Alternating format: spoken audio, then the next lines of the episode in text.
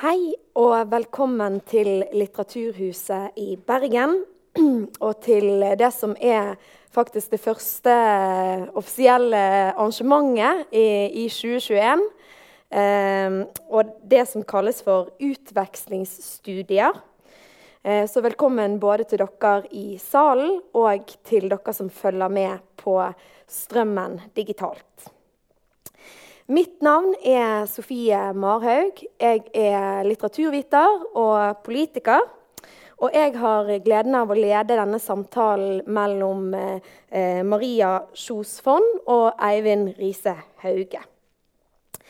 Eivind Riise Hauge er forfatter eh, bosatt i Bergen og har skrevet eh, flere novellesamlinger, skuespill, en sakprosabok om sjakk og to romaner, eh, der den eh, siste, 'Korrektur', av et sorgens kapittel, kom ut i fjor. og danner grunnlaget for noe av det vi skal diskutere i dag. Og den har òg nettopp fått sin første anmeldelse i Bergens Tidende. så det er jo ekstra aktuelt i dag. Den lanseres i morgen. Oi, den lanseres i morgen. Beklager jeg. Eh, takk for uh, korrekturen. Ja, ja, selvfølgelig. Ellers kunne dette blitt et sorgens kapittel. um, I romanen så får vi uh, møte hovedpersonen som uh, har kallenavnet Rorgen. Og vi får hans frie forklaring, som både spiller på den juridiske kategorien, men òg eh, som gjerne utforskes da, som litterær sjanger. Og Der forteller eh, Rorgen til dels kronologisk, eh, til dels på innfall, om eh, livet sitt og interessene sine. Og særlig om ungdomslivet og voksenlivet. da. Tidvis òg henvendt til sønnen. Og det er da fortalt fra, fra fengselet. Eh, Maria Kjos Fonn er òg forfatter og skribent fra Oslo. Eh, hun har eh, gitt ut eh, novellesamling og, flere noveller, hun òg. Og gitt ut to romaner. Den siste og kritikerroste romanen 'Heroin chic' er det andre utgangspunktet for denne samtalen. og i 'Heroin chic' så følger vi eleven og seinere sangeren og studenten Elise. og eh, får innblikk i hennes avhengighet og avhengigheter eh, i flertall òg. Eh, men særlig denne, eh, det som blir en avhengighet av heroin. Og handlingene er til dels eh, strukturert rundt eh, et program hun gjennomgår, anonyme narkomane. Eh, og, og, til dels eh, beveger det seg òg i, i, tid. Eh, jeg leser òg opp fra arrangementsbeskrivelsen. Elise har de beste forutsetninger for suksess. Hun har kjærlighet, penger og talent. Hennes dragning mot destruksjon har ingen åpenbar årsak. Rorgen har aldri hatt det lett. Faren var fraværende, og moren narkoman. Han ble dømt for lovbrudd før han ble myndig og tilbrakt større deler av sitt voksne liv i fengsel. Kan Elise og Rorgen ha noe til felles?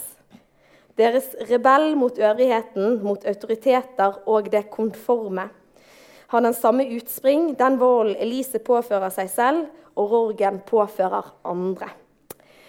Det er da eh, det arrangementet vi er på, som har fått tittelen 'Rus og rebell'.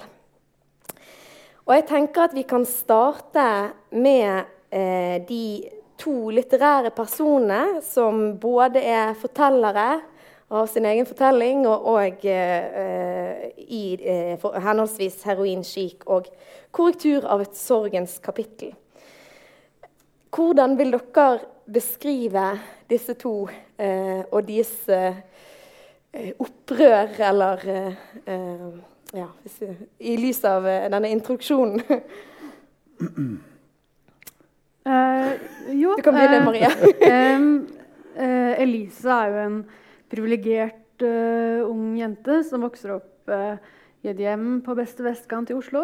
og har et, et sangtalent og en veldig vakker stemme. Og så blir hun veldig tidlig løftet fram som en slags dokke, eller nesten en litt sånn familiens barnestjerne. eh, og eh, er eh, veldig følsom som, som barn. Og, sikkert også som tenåring og voksen òg, men, men alle hennes problemer de, de blir jo veldig flyttet til spiseforstyrrelseslogikk, som handler om tall og gram og kalorier, og etter hvert rus. Og så hvis man snakker om opprør, så er jo Elise på en måte en person som Opprøret er jo veldig uten innhold. ikke sant? Hun, eh, hun blir besatt av å være tynn. eh, og, og det kan være en slags eh, eh, på en måte protest mot et eller annet forventningspress. At hun begynner med rus osv. Men hun har jo ikke noe politisk opprør, f.eks. Så det er jo veldig innholdsløst. Eh, og hun blir jo en, en kvinne uten egenskaper etter hvert. Og til slutt så er jo heroinet egentlig hovedpersonen, eller, eh, og ikke Elise. Men, eh, men eh, ja, jeg ble spurt om hun var et offer, da. Og så svarte jeg at hun, hun er et offer for å ha blitt født. Og det, det er vel litt sånn jeg ser det. At uh, tunge eksistensielle ting for henne. Mm. Hva med Rorgen? Rorgen, ja. Det høres ut som et sånt godt bergens Ja. navn. Rorgen. Det blir mye Si det en gang til, Marie. Rorgen. det er er nydelig. Nei, altså han eh, eh, havna jo da eh, på kant med loven tidlig. Egentlig fordi at han prøver å gjøre bygden han vokser opp i, en tjeneste. Fordi det er et gammelt fjøs som skal rives. Og så en dag så finner han ut at han skal opp og sette fyr på det fjøset. da. Og eh, blir jo da eh, på en måte eh, avhørt av lensmannen i det hele tatt, fordi at han har brent ned dette fjøset som, eh, som, han, eh, som likevel skulle destrueres. Så Det syns han er urettferdig, og så havner han jo i klammeri med loven flere ganger. Han har en voldsepisode på skolen som barn. Eh, er jo et utagerende, urolig barn. Det er egentlig ikke slik at han kommer fra en altså Riktignok så er faren eh, forsvinner tidlig. Eh, moren eh, er lærer. Eh, det er jo ikke så ille, strengt tatt. Og så eh, er det jo slik at, at det kommer en stefar inn i bildet, og han får en søster. da. Og eh, denne søsteren viser seg senere å være en stor begavelse. Men denne stefaren er liksom personlighetsløs. Og han sier tidlig at han har aldri følt seg hjemme noe sted. Føler seg ikke hjemme i seg sjøl eller noe annet sted. Og har en sånn konstant uro, en konstant søken da, etter eh, en eller annen form for mening. Og det er vel noe vi mange av oss kan kjenne seg igjen i, vil jeg tro. Det er bare det at eh, der eh, kanskje vi andre ville liksom snudd og gått bort, da, så går han rett på. Mm. Um, så det er hans, eh, måte hans bakgrunn og utgangspunkt. Vokser opp på bygden, flytter senere til en eller annen by. Uh, og så går det unnskyld språket, slag i slag etter det. Ja, det er jo eh, Dere tegner jo nå når dere bare beskriver litt eh, de personene, så tegner dere opp noen litt sånn eksistensielle problemstillinger eh, eh, knyttet til det som kanskje kan tenkes på som destruktivt. Du sa det å bli født, det er jo ganske vondt å leve. Eh, så de, de, men de takler jo livet da gjennom en viss eh, form for destruktivitet. Eh, hva slags eh, Ja, det blir jo kanskje litt eh, stort og åpent spørsmål, men hva slags destruktive krefter er det som egentlig står på spill? Hvordan å, å liksom oppsummere det eller beskrive det, eller er det bare Tar det bare de formene det tar? Det er jo sånn, altså det er jo bare en eller annen altså det, som, altså det man leter etter, er jo en eller annen måte å leve på. Da. En eller annen måte å føles, føle at man har en eller annen plass i, i verden. Sant? Som, som er naturlig for en, og, og der man kanskje kan altså Rogan får liksom egentlig aldri anledning til å utvikle sine talenter, bortsett fra sine destruktive talenter, som det er mange av. Um, han er jo også eh, lefla med rus, og, og, det å lefle med rus er jo kanskje også eh, I Lises tilfelle så handler det om å forsvinne. sant? Eh, og det gjør det nok også for Rogen. da, sant? Så der har Du du spurte innledningsvis om, om, om likheter. For orgen også tyr til rus. Eh, mer og mer, egentlig. Det er en langsom eh, prosess. da. Og eh, før han havner i fengsel siste gang, så er han vel liksom alkoholiker. Ja. Um, han er ikke helt sikker på det sjøl, om, om liksom det er gått så langt. Men han har jo også leflet med spesielt amfetamin, anabolisteroider, eh, korker Eller eh, GHB, som det også kalles. Ja, sånne ting. da. Så det er jo, det er jo en eh, Men dette altså, Han sier på et tidspunkt at eh, han, er liksom, han, er, han føler seg eh, som om han er trykket gjennom et rør. Og at der er noe nødt til å knekke av det. Så det er noe som ikke er som det skal. Og um, det handler vel om å finne et eller annet for han som gir mening, og han finner det aldri. Det var litt morsomt at du sa talenter, fordi eh, hun venninnen til Elise beskylder vel hun òg for å liksom eh, At, at heroinavhengigheten nå nærmest er en form for talent. Eh, at, være, at hun alltid skulle være best, være tynnest, være ja, mest ruset. Ja, ja. Um, og det jeg tenker eh, som de to karakterene har litt til felles, er dette, dette og de forsvarer seg selv, altså Rorg, Rorgen, eh, gjennom eh, selvfølgelig sin forklaring. eh, men Elise er jo på en måte det hele derre jeg er ikke narkoman, jeg bare røyker heroin to, tre, fire, fem ganger i uka. Og liksom Jeg er jo eh, Her er jeg, og jeg er så nydelig som et avmagret skjelett. Altså sånn, eller som står på sitt. da. Og det selvbedraget som kan ligge i avhengighet, selvfølgelig. Men når det gjelder det destruktive hun, hun lokkes mot, så er det jo på en måte en, en drøm om opphøyelsen i det destruktive. ehm, som, som gir utslag. Og det tror jeg, uten at jeg skal liksom psykologisere henne for mye, for det har jeg prøvd å ikke gjøre. men men hun har jo blitt løftet fram veldig som barn, og så fortsetter det jo i en litt sånn der grandiositet på en måte, som hun kanskje ikke tror helt på selv engang. Men at eh, nei, hun kan jo ikke være det lille englebarnet for resten av livet, men kanskje hun kan bli tynnest, kanskje hun kan eh, prøve det hardeste dopet.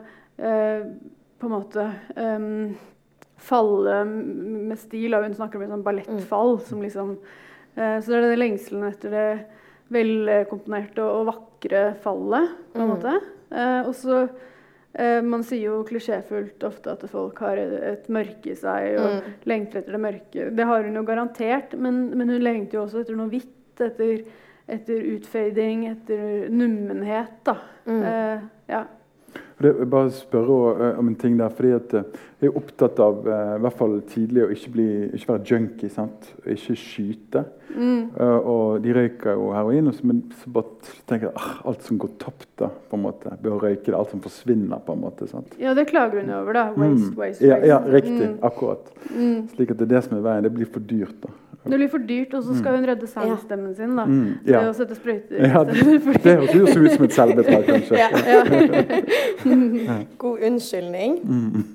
Um, i, begge, I begge romanene så eh, er jo det òg et sånn eh, Når man beskriver litt sånn eh, folk som har havnet utpå, eller ikke lever opp til samfunnets normer og idealer, så er jo det ofte at man får en slags forklaring på hvorfor det har blitt som det har blitt. eh, Men, eh, og, og, og det kan jo ligge noen eh, årsaksforklaringer i begge de romanene òg, men likevel så er det en, eh, en type form for insistering eh, på å ikke gi én forklaring, i hvert fall fra karakterene eh, sin eh, posisjon.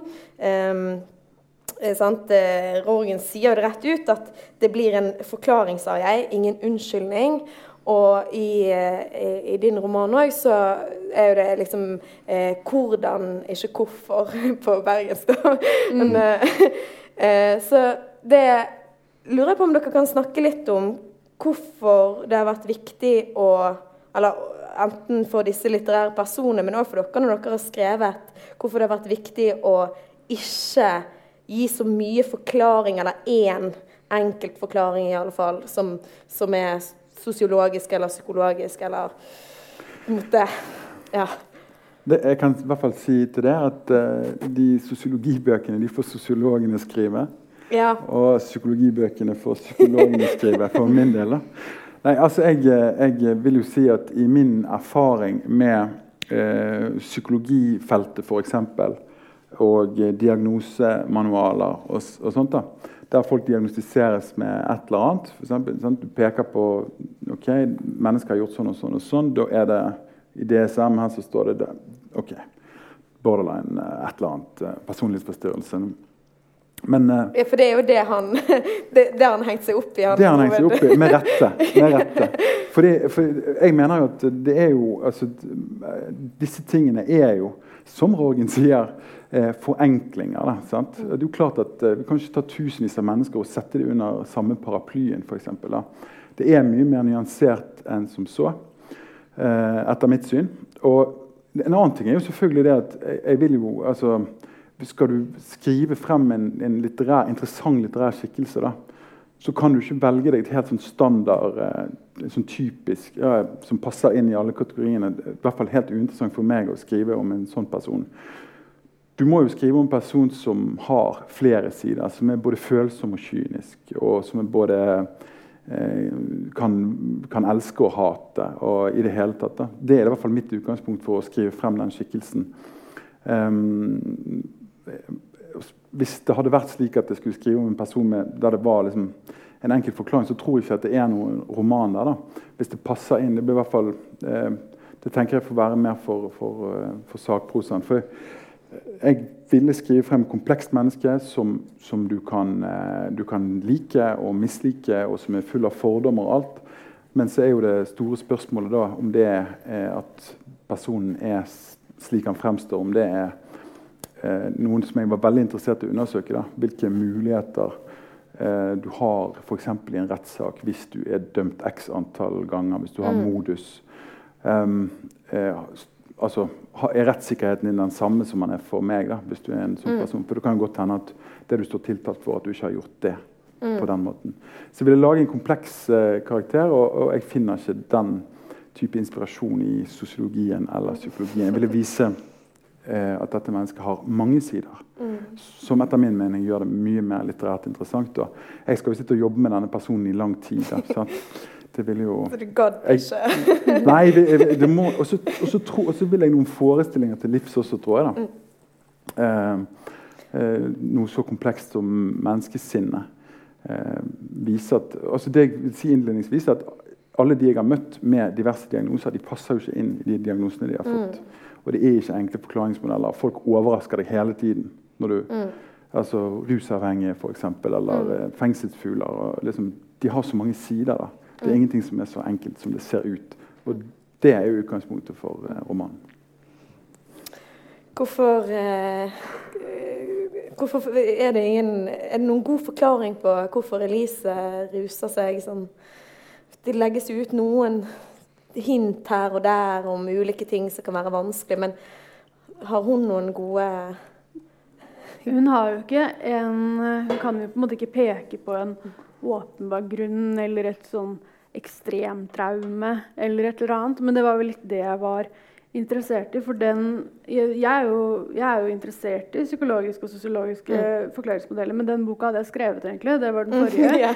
yeah. om et eh, barnevernsbarn som, eh, som sliter med mye pga. grusomme traumer. Eh, og så ville jeg på en måte gi meg selv en utfordring som var at det på en måte skulle være liksom Hvem er morderen? Altså, hva er problemet her? Så det skulle være et slags mysterium. da. Og mm, jeg tror det henger nok bare sammen med et indre trykk, en personlighetsstruktur. Hun opplever ting som er traumatisk i ungdommen, uten at det betyr at uh, heroindøden, ikke at hun dør, men hvem vet hva som vil skje, er mm. en naturlig konsekvens. ikke sant? Uh, men det som, det som jeg syns var spennende med mottagelsen, var at det, var, det, er ingen som har sagt at de ikke syns det er troverdig at hun havner utpå. Mm. Um, og det var jo det, var det som jeg var redd for, at folk skulle mene at Så det er på en måte noe som stemmer med, med hennes uh, lengsel, Mm. craving etter et eller annet som, som gir mening i hennes uh, sinn, da, uansett hva som har skjedd eller ikke skjedd, eller hvor hun kommer fra. Mm. Det er jo sånn, men det, er, det en, er, det en, er det en tomhet, da? Er det liksom et eller annet som må fylles? Det er jo rett og slett det. Ehm, og det, det, det måtte I liksom de redaksjonelle rundene så måtte jeg jo fjerne tomrommet, altså hvor du prøver, prøver å fortelle leseren om tomrommet. ikke sant? um, men det er jo der, helt klart. Um, Var, det, var, var det ikke eh, interessant nok? Nei, men altså, det, Jeg husker jeg leste en bok, jeg skal ikke si hvem, men som skulle beskrive en mann som hadde vært pedofil, så, eller forgrep seg på et barn, og så var det bare mørke. Jeg trekker mot mørket. Og så er det liksom sånn um, Det kan være andre ting enn mørket som driver deg mot å forgripe deg på et barn, da, tenker jeg. Ja. Og andre ting enn tomrommet som trekker deg mot sprøyta, selv om du har et tomrom. Ja. Det ble litt Mm. Det ble for enkelt, på en måte? Ja, eller? Ja. men det var kanskje en hjelp for meg mens jeg skrev. ikke sant? Ja. ja, for du beskriver Eller eh, eh, Man kan jo Det er liksom i, psykoanalysen da, så har jeg interessert meg litt for uh, personlig eh, ja, ja, eh, Så er jo man veldig opptatt av en sånn grunnleggende mangel i menneske i menneskedyret, egentlig. Men, men i avhengighet, som begge karakterene liksom er innom, så er jo det òg liksom en dra... Altså det er jo òg en ekstase eller overskrivelse. Vi var litt inne på det òg. Og det fallet som beskrives, det er jo òg eh, hos deg, da, knyttet eh, til eh, kanskje òg til for, den forelskelsesrusen. sant? Det er jo det samme som å Eller å falle for noe eller noen. Det er jo litt den samme uh, Og det, det innebærer jo òg en risiko, da. Så de er jo begge to, tenker jeg òg, veldig risikosøkende. Og det er jo en glede Er ikke det en glede òg i Hvis vi snakker rus og rebell? glede i sånn risiko, å ta en risiko, at man føler seg litt levende, liksom. Jeg vet ikke om Ja, altså det er jo en, en nytelse i altså du, Det står jo i arrangementsbeskrivelsen at hun gjør vold mot seg selv, på en måte. Eh, og det gjør hun jo både med, med sulting og heroin, men hun, hun er jo opptatt av nytelsen i dette hele tiden. sånn at hvis det skulle vært oversatt til å være en voldsutøver, da, som din karakter, så måtte det vært en sadist som nøt uh, dette. ikke sant? Sånn at um, eh, det er deilig, eh, helt til det ikke er det lenger. Um, det var spennende det du sa om psykoanalyse, for det tenkte jeg mye på at eh, en analytiker ville vel sagt det jeg har tenkt, at Elise er liksom veldig i den orale fasen. Mm, at, hun, eh, hun elsker piller, og, og sang, hun er sanger, og oralsex og røyke heroin. Så det var liksom sånne grunnleggende ting altså hun bare vil sluke i seg verden. Da. Mm. Så jeg bare nevner det. Ja. Jeg lurte på om dere eh, kanskje har lyst til å lese litt Nå har jeg, jeg har bøkene er deres. så flott. Eh, lese et lite utdrag hver, så får òg publikum eh, og de som følger, eh, et lite sånn, en liten smakebit. Apropos den orale fasen. Eh, vi kan jo kanskje begynne med deg, og så kan du sende den bortover. Så begynner vi med et lite utdrag herfra. Du kan velge. Jeg kan begynne med begynnelsen, da, kanskje. Ja. Det er greit. Kall meg Rorgen. Det er heftet med meg klengenavnet. Egentlig beror det på en misforståelse. Og likevel har jeg kjent meg hjemme i det. I alle fall noen ganger. Og i gitte øyeblikk har det også kommet til nytte. Langt mer hjemme har jeg under alle omstendigheter kjent meg i Rorgen enn i døpenavnet. Men hjemme, hører jeg meg sjøl si, hvor er nå det? Her inne flyr tankene alle veier, og de kommer i andre farger, antar nye former. Nærmere drømmen. Han avbryter meg, den fremlute, hastige legen som springer mot pensjonstilværelse, hytte ved innsjøen og nye, blanke sluker. En bevissthetsforstyrrelse, sier han. Rekker å nevne at dette er et kjent fenomen i det mennesket som han sier befinner seg under en usynlig tyngde. Men nei, sier jeg, ikke sånn, og griper nesten etter han. Tankene de er som fugler, sier jeg. I det ene øyeblikket stupende fra klipper, i det neste glidende inn i solen. Og det er som de bærer en egen vilje nå. Jeg kan legge merke til et eller annet der jeg før gikk forbi uten å ense noe som helst. Og så Ja, det låter corny, jeg vet, men da er det som om noe letter innvendig. Måten lyset faller en vinterettermiddag, f.eks. Hvordan det skrår over gården her og blinker i en oransjemalt murvegg, kan uten videre frembringe noe gammelt. Aner ikke hvordan jeg kom til å tenke på grandonkelen min, han som mistet sønnen på sjøen i nord, og på sine eldre dager slo seg ned i Hellas, hvor han kjøpte et lite hus på en øy uten trafikk. Der sitter han med eldende øyne ved et hvitt plastbord. Derfra har han utsikt over det varme havet, og han skriver i et brev til min mor at alt er forbundet, og at sjøen er den samme, om enn Ingemar ble borte på skreifiske et sted i det ville mellom Måsøy og Jan Mayen. Hele dagen sitter han slik og skuer, til horisonten mørkner. Hjemsøkt av dette tapet han trodde han hadde lyktes med å legge bak seg. Det var kommet tilbake og vokste den siste tiden som en svulst igjen. Og hjemme, ja, hjemme. Det hender stadig oftere at jeg husker han og tenker at jeg kjenner meg hjemme. Ikke noe spesielt sted, men i den gamle mannen hvis blikk er festet på sjøen i håp om et glimt av det tapte, drivved fra forliset. Ved et hvitt plastbord, bare sittende slik, langt borte fra sitt eget liv. Selv kommer jeg fra ingenting, fra ingen steds. Det finnes ingen plass jeg kaller hjemme. Stedet der jeg vokste opp, ga meg en dialekt. Livet en stemme. Den er ru og sprukken, men også hard, som en vektløfters håndflate. Måten du snakker på, blir du aldri riktig fri. Samme hva som hender deg, eller hvem du skulle støte på. En tone du tar med deg, som forblir uløselig, lenket til speilbildet. Det er du som står der. Du som snakker. Og det speilbildet Jeg er stor og tung nå. Skallet. Øynene rødkantede. Jeg bøyer meg frem mot speilet. Hva ser mannen etter når han ser seg selv i øynene? Det er hvitt og det er blått og det er tynne tynne tråder som møter meg, og det er en svart prikk. Den fant jeg i det hvite Like til venstre for regnbuehinnen, en svart prikk i det hvite. Jeg lukker øynene og ser et loft, en kasse, et album. Jeg blar i det og stanser ved et fotografi av meg i dåpskjolen, smilende mot et eller annet. Aldri igjen får du ta på hvem dette mesle mennesket var, eller hva som fikk det til å le. Denne kroppen som siden ble denne kroppen, som jeg har fylt med sukker og fett og salt og øl og brennevin, bol og amfetaminer ja, og sigaretter. Ah, så uendelig mange sigaretter. Jeg tenkte forleden Forleden tenkte det var leit, og at den svarte prikken kanskje den vokser. Og at den er livet du har levd, den er forandringen. Hva skjer med meg? Mister i synet? Hva reiser med blodet som ikke reiste med det før? Ødeleggelsen. Og jeg syns det er trist. Takk. Eh, da kan vi jo eh, gå rett til deg, så får vi den eh, kontrasten. det ser ut som at du har funnet noe fra slutten. ja, jeg begynner med slutten. Eh, for øvrig en nydelig begynnelse. Det syntes jeg da jeg leste den. Og den fikk eh, jo også en veldig god anmeldelse i Bergenstidene. Fem stjerner. Det må jeg bare si. Så dere kan kjøpe den. Fem av tolv.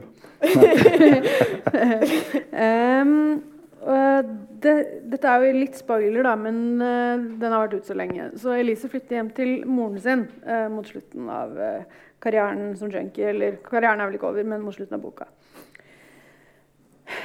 Noen dager senere sitter jeg på verandaen igjen og har satt en friskmelding, og vel så det.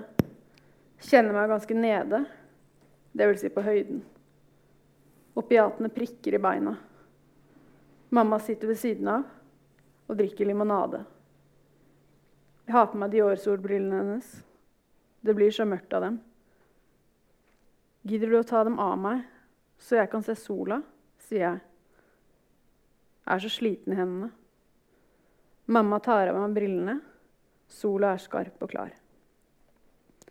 Mamma mener at jeg skal stå opp og re senga hver dag før jeg går på kjøkkenet og koker heroinet. Som om det er leirskole. Jeg vil fikse det mens jeg ligger i senga. Bare holde lighterflammen opp under skjeen på nattbordet. Sette skuddet, synke tilbake og legge meg igjen. Jeg begynner å lure på om jeg er deprimert.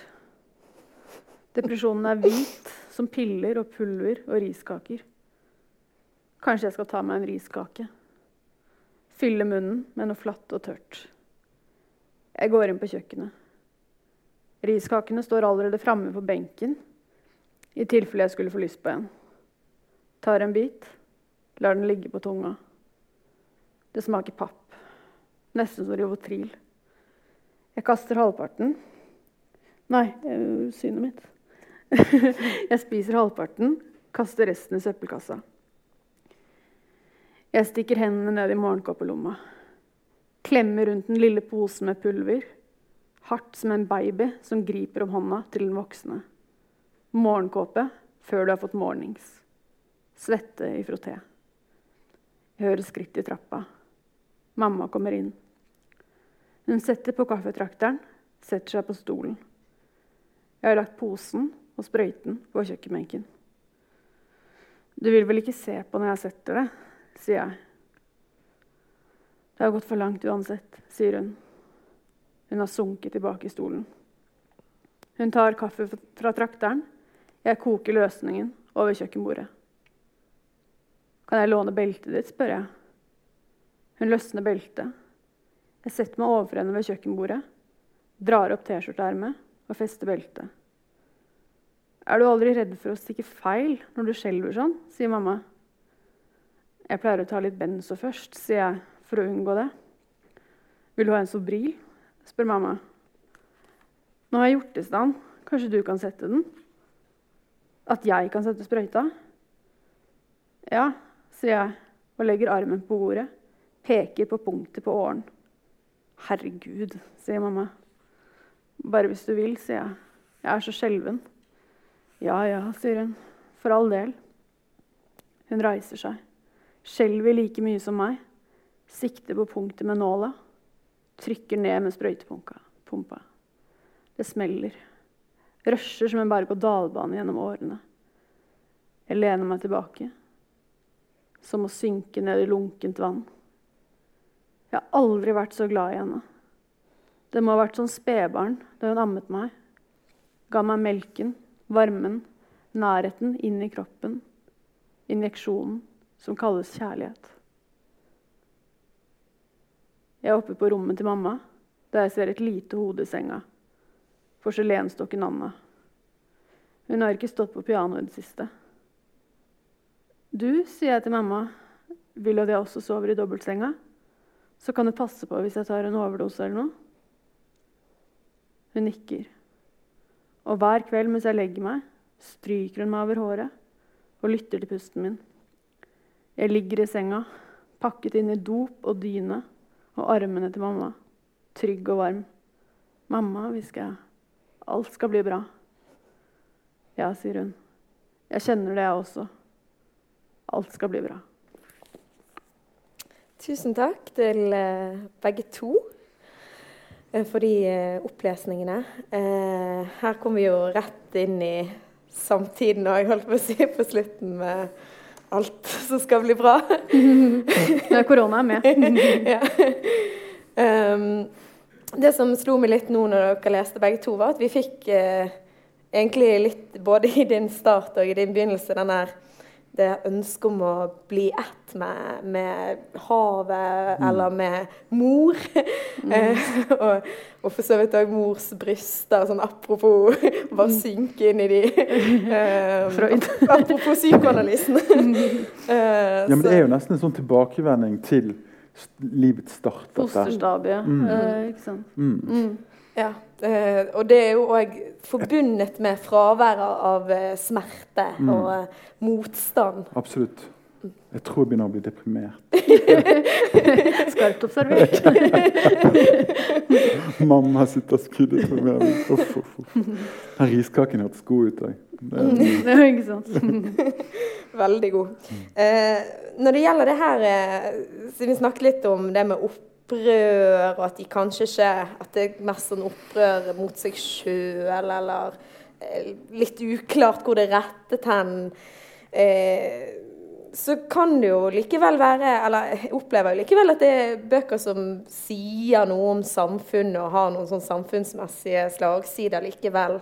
Eh, men kanskje ikke så bevisst fra de karakterene sin side. Eh, hva tenker dere om det? Har dere, har dere Nei, jeg tror, jeg tror jo eh, så dette, altså det som, De som føler seg eh, utenfor, da, mm. tilsidesatt på en eller annen måte. og de, de, har vidt ulike grunner til å føle det slik, og det arter seg på forskjellige måter. Men altså dette med vold mot seg sjøl og andre, da, Rogen også påfører jo seg sjøl vold på, i, som, i, overført betydning. Da. Altså, du, vet jo, du kjenner jo konsekvensene av dine handlinger. Du vet jo hva du må stri med. Liksom, mm. Men da er jo ikke de kreftene som trekker han mot måte, A4-livet, sterke nok. Da. Det er noe annet. da. Han vil jo egentlig bort. Han kaller seg sjøl det opprinnelige mennesket. da. Litt pompøst. Men, eh, men, eh, men, eh, men sant? Og hva, altså, det er jo på en måte, Han vil jo liksom bort fra folk. da. Det er Walden da, til naturen. Ja, ja, ja, ikke sant? Så han vil, jo, han vil, jo, bort fordi at han uh, føler seg uh, føler seg ikke liksom, føler seg ikke hjemme noe sted. Og, og, han sitter og ser på havet og tenker på denne her eh, grandonkels som sitter og stirrer og liksom håper at et eller annet tegn noe skal komme til ham. Men det kommer jo aldri noe tegn. sant? Og, og jeg kunne brukt en Bob Dale-referanse her. Der eh, det skrikes ut uh, 'Ain't it clear that I just don't fit'? Mm. Og hva skal vi gjøre med sånne folk som ikke finner en plass noe sted? Det er i hvert fall jeg veldig interessert i. Mm. Fengsel er jo i hvert fall ikke løsningen. Nei. Uh, ja, uh, det kan jeg støtte meg til. Også I tillegg så ville jo jeg skrive en roman om sosiale forskjeller og klasse, men fra overklassens eller øvre mm. middelklasses perspektiv. Uh, og hvordan de kontrastene mellom hennes utgangspunkt og der hun ender, blir så tydelige. Eh, og også ser man jo at eh, Elise eh, holder seg mye lenger som helgenarkoman enn mm. en mange med et dårligere utgangspunkt ville gjort. Eh, noen ville kanskje klart å holde på det misbruket uten at det gikk så langt ned òg. Altså sånn, på vestkanten så brukes det mer dop, men blir mindre problemer av det. Um, så det var jeg opptatt av. Sosiale forskjeller. Uh, og de, de, forskjellene hun møter med andre i rusmiljøet, inkludert uh, kjæresten sin, som har en bakgrunn som kanskje ligner litt mer på Rorger sin. Mm. Veldig, veldig sånn skjemat, skjematisk. Um, og så, men så i Den mest politiske delen av romanen min er nok når korona gjør sitt inntog. Det er bare to sider, men, men da beskriver jeg rusmiljøet under, mm. Under lockdown. Hvor var uh, hvor Elise havner i prostitusjon. Og, og uh, det er dårlig dop, det er bøffing, det er, da, det er farlige kunder eller én farlig kunde. Og, det, og, da var det på en måte både et ruspolitisk engasjement eh, og et klasse... Eller ja, jo særlig et ruspolitisk engasjement som, som kom fram der, da. Så jeg, jeg, er nok mer politisk som spaltist mm. enn som romanforfatter. Men den som leter, skal finne, som det står i Bibelen. ja. Um, jeg syns òg det var interessant litt fordi begge karakterene, selv om de har litt sosial, ulik sosial bakgrunn, så eh, syns jeg jo eh, at begge har ganske det som eh, man kan kalle for eh, høy kulturell kapital. Eh, sant? Eh, Rorgen leser Prost og Selvfølgelig gjør han det. Ja, lager òg sånn eh, ganske sånn avansert italiensk eh, mat i fengselet. Ja. og eh, sant, Walden, leser Walden mm. og sånn. Mm. Eh, og, og åpenbart sant, så kommer jo òg Elise fra eh, øvre middel, eller sånn høy kulturell kapital med foreldrenes bakgrunn. og Eh, og, så er det òg veldig mange kulturelle referanser der òg. Kanskje enda tettere knyttet til det vi forbinder med tittelen. Heroin, chic eh, Altså de her ja, ulike kulturelle uttrykk som har estetisert og mytologisert heroin. Eh, men, men, kunne dere liksom skrevet om, om disse outsiderne, eller uten Uh, uten, uten, de litt sånn høye Uten å blande høyt og lavt. Uh, altså For min del så, så jeg vil jo velge meg en, en skikkelse som liksom interesserer meg. da. Mm. Og Han trenger ikke ha de samme liksom, referansene som, som, jeg har, eller, eller, noe sånt, men det liksom eh, Jeg ville jo ha frem en, en, skikkelse der ingenting var selvforklarende. Altså han, Hans, uh, hans søster liksom fra samme mor er jo altså preseterist. Hun gjør det kjempebra på å, å stikke av gårde med en gang hun kan. Da, Får seg en flott jobb i Equinor. Men han, og han er jo, det som han snakker om altså egentlig Det som han fremmer, er jo en slags sivilisasjonskritikk. sant? Altså at eh, vet, Det er ikke sånn at Gud har laget skole. Liksom. Det går an å tenke seg eh, en annen måte å organisere samfunn på. Altså Alle de institusjonene som han aldri passet inn i. da. Dette vil han til livs. Psykologien, jussen, alt dette her. greiene. Vekk med det. Dette trenger vi ikke. En slags Faust? Ja, kanskje noe sånt. Så det, er, så det, det, det, liksom, det, er jo, det, er jo, hans tankegods. da. Altså, Du må ikke bare svelge alt dette greiene her. sant? Mm. Eh, for det funker ikke. Han sier på et tidspunkt eh, noe sånt som 'Dere har skapt meg, og sånn er det'. Ved å tvinge meg gjennom disse tingene. Han sier også at hvis han hadde alt han har lært, det lærte han da han fikk fri. Mm. Eh, han har ikke lært noe på skolen. Gi meg en stubbe å sitte på et beskjedent bibliotek så skal jeg, jeg skal ikke, kommer ikke til å vite noe mindre enn alle dere andre. Tvert imot. Ja, så, så de her eh, der han slenger rundt seg med liksom, referanser og sånn, er mhm. liksom Det er nysgjerrighet, da? Absolutt. Ja. Han, han, gikk i biblioteket som ofte han kunne som barn, mm. og leste. Men, og i fengselet. absolutt. Da, selvfølgelig, da blir det sikkert ekstra mye av det. Men da har du ikke noe annet å gjøre. Sånn. Sånn, så det er klart at da blir det sånn. Og det, det er mange som leser masse i fengsel. Ja, det, det er mitt inntrykk. Det, det, kan jeg bekrefte. Så, mm. så, jeg vil jo også på en måte den forestillingen til livs. da, mm. At det liksom Å ja, du, du er en dum voldsmann sitter i fengsel. sant? Du kan jo ha interesser og være flink og spille sjakk og hva det måtte være, og ha lest post og alt. Mm. Du har uendelig med tid. Mm. Så, ja. Tips. Ja, så tar dere et fint sånn sabbatsår. Par på trynet der, og så uh, får du deg alltid et lite flott opphold på hotell. Sjappa. Jeg kunne absolutt ha skrevet uh, uten å blande høyt og lavt, og det har jeg gjort. Ja. Um, ja i mine to forrige bøker, egentlig, mm. i høyere grad. Uh, premisset med den romanen var nok mer å Eller det var hele premisset. Å blande mm. høyt og lavt. Eh, og denne mytologiseringen og estetiseringen av rus og spiseforstyrrelser som mm. sikkert er litt, litt farlig òg. Um, uh, men jeg tror det var fullstendig nødvendig for å forklare hovedpersonens tiltrekning mot det. Mm. Hvis jeg hadde skrevet om et uh, traumeoffer som, som, hadde så veldig åpenbar grunn til å ruse seg, så ville hun kanskje ikke trengt å, å idolisere Kate Moss. Eh, mm. Og de færreste som får Det er på en måte noe jeg må ha liksom understreket i intervjuer at det er ikke vanlig at folk får spiseforstyrrelser fordi de vil se ut som en modell eller tenke mye mm. på Kate Moss. Mm. Uh, og selvfølgelig er det mer komplekse årsaker her, men det er også det estetiske og mytologiske. Og det er jo kanskje det som er det skumleste med boka. Mm. Um, særlig når det gjelder spiseforstyrrelser, da, mm. som jeg var redd for å få kritikk for. Uh, som jeg også har fått, men ikke så mye at det har vært helt forferdelig. Mer sånn forsiktig, forsiktig mumling.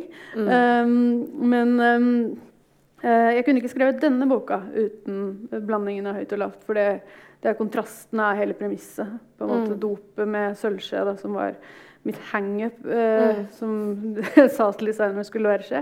Og det ble det. det ble Men det er, det er jo eh, ja, sånt mytologiserende og sånt eh, Det er jo mye som òg er veldig sånn erotisk og, og litt sånn sexy òg, sant? Som òg mm. uh, er litt uh, ekkelt fordi at det er jo egentlig veldig farlig å ikke spise og å eh, ruse seg. Mm. Eh, ikke bare egentlig, det, det er det jo. Og, men, men, det er jo òg eh, scener f.eks. med moren som eh, når de drar på sosialkontoret og hun pynter seg med perleskjed og sier at uh, vi er ikke egentlig sånn. Uh, mm. Og det er jo ikke Eh, det er ikke så veldig sexy, da, for å si det sånn. Det. Jo, ja. og, det, og, det, skrev jeg også, at når hun får en ny kjæreste, så, så etter at hun har blitt nykter, mm. så er det ikke så farlig for henne å fortelle om alt det ville hun ha gjort med dop og sånn. Det, det, kan passe inn i et vestkantnarrativ, men mm. det med Nav og mm. sosialkontor og sånn, det, det, er det hun ikke forteller. Det er på en måte enda mer skamfullt, da. Um, og, og, der ser du jo Ja, altså Nav er på en måte et ikke ikke-ord. Hun bare Nei, men jeg lever jo på almisser og gråsoneprostitusjon. Jeg trenger da ikke å synke ned til Nav. Mm. sånn at det, og det, det, tror jeg eller vet at uh, for mange kan føles som en enda mer siste skanse enn heroin. da. Mm. Mm. Ja, men eh, der, han, Nå skal jeg drive og avslå, men eh, du, det, boken din har jo òg en del sånne Det gjelder egentlig begge, begge romaner. Har en del sånne um, eh, ja, one-liners, eller liksom sånn. eh, og, og der har jo han eh, som jobber på Nav-kontoret òg det som er sånn Det er ingen som er her på, bare på gøy. Ja. Eh, ja, for det er jo moren som, som er, viser litt fram sine fordommer. Da, sånn derre, ja, vi er jo ikke her på sosialkontoret fordi vi syns det er gøy. Det er kanskje noen som syns det, men vi syns jo ikke det. ikke sant? Eh, sånn at, og det, det har vel vært eh, mye fordommer i familien òg, mm. som har vært ikke av vond vilje, men bare hvordan man forstår avhengighet og psykiske lidelser og sånn, som plutselig rammer det datteren. Eh, Så det er jo Og da må man på pynte seg og gå på sosialkontoret. Rogen er også på Nav, faktisk. Ja, ja. Det. Eh, og, og har jo òg en uh... Da har det gått helt til helvete. Da, når han har noe. Ja, men eh, han har positive opplevelser. med- Veldig fornøyd med Nav. Han, han, får, uh, han får tak over hodet og jobb ganske fort. Mm. Ja. Så Nav funker, det. Nav er en karakter i alle mine tre bøker. Er det? Ja. Det er egentlig hele litt forfatterskap er en hyllest til Nav. Jeg kjente en som skrev, jeg kjente han ikke, men han hadde skrevet i takkordet til boka si 'Takk til Nav'. Det er stipendet. Ja, men eh, eh, det er litt interessant er det som begge to eh, har vært litt inne på nå. eller med eh, sånn eh, altså Begge bøkene og egentlig tittelen på dette arrangementet er jo litt sånn mytologiserende om eh, de her ah, rus og rebell og litt sånn. Og det er jo det masse av. Det er jo det egentlig uendelige mengder av i litteraturen. Og, da, men er det, er det kanskje det er jo et spørsmål, er det, nødvend, altså er det nødvendig for å, for å, å, å gjøre det kunst, altså bearbeide enten det er liksom rus eh, Eller skrive om rus eh, litterært. At det liksom At det er eh, kunstnerisk. At det liksom litt farlige mytologiserende kommer inn i det. Altså, Jeg vet ikke om jeg helt uh, skjønner spørsmålet, men jeg tror jeg likevel prøver å svare på det. Ja. på en måte.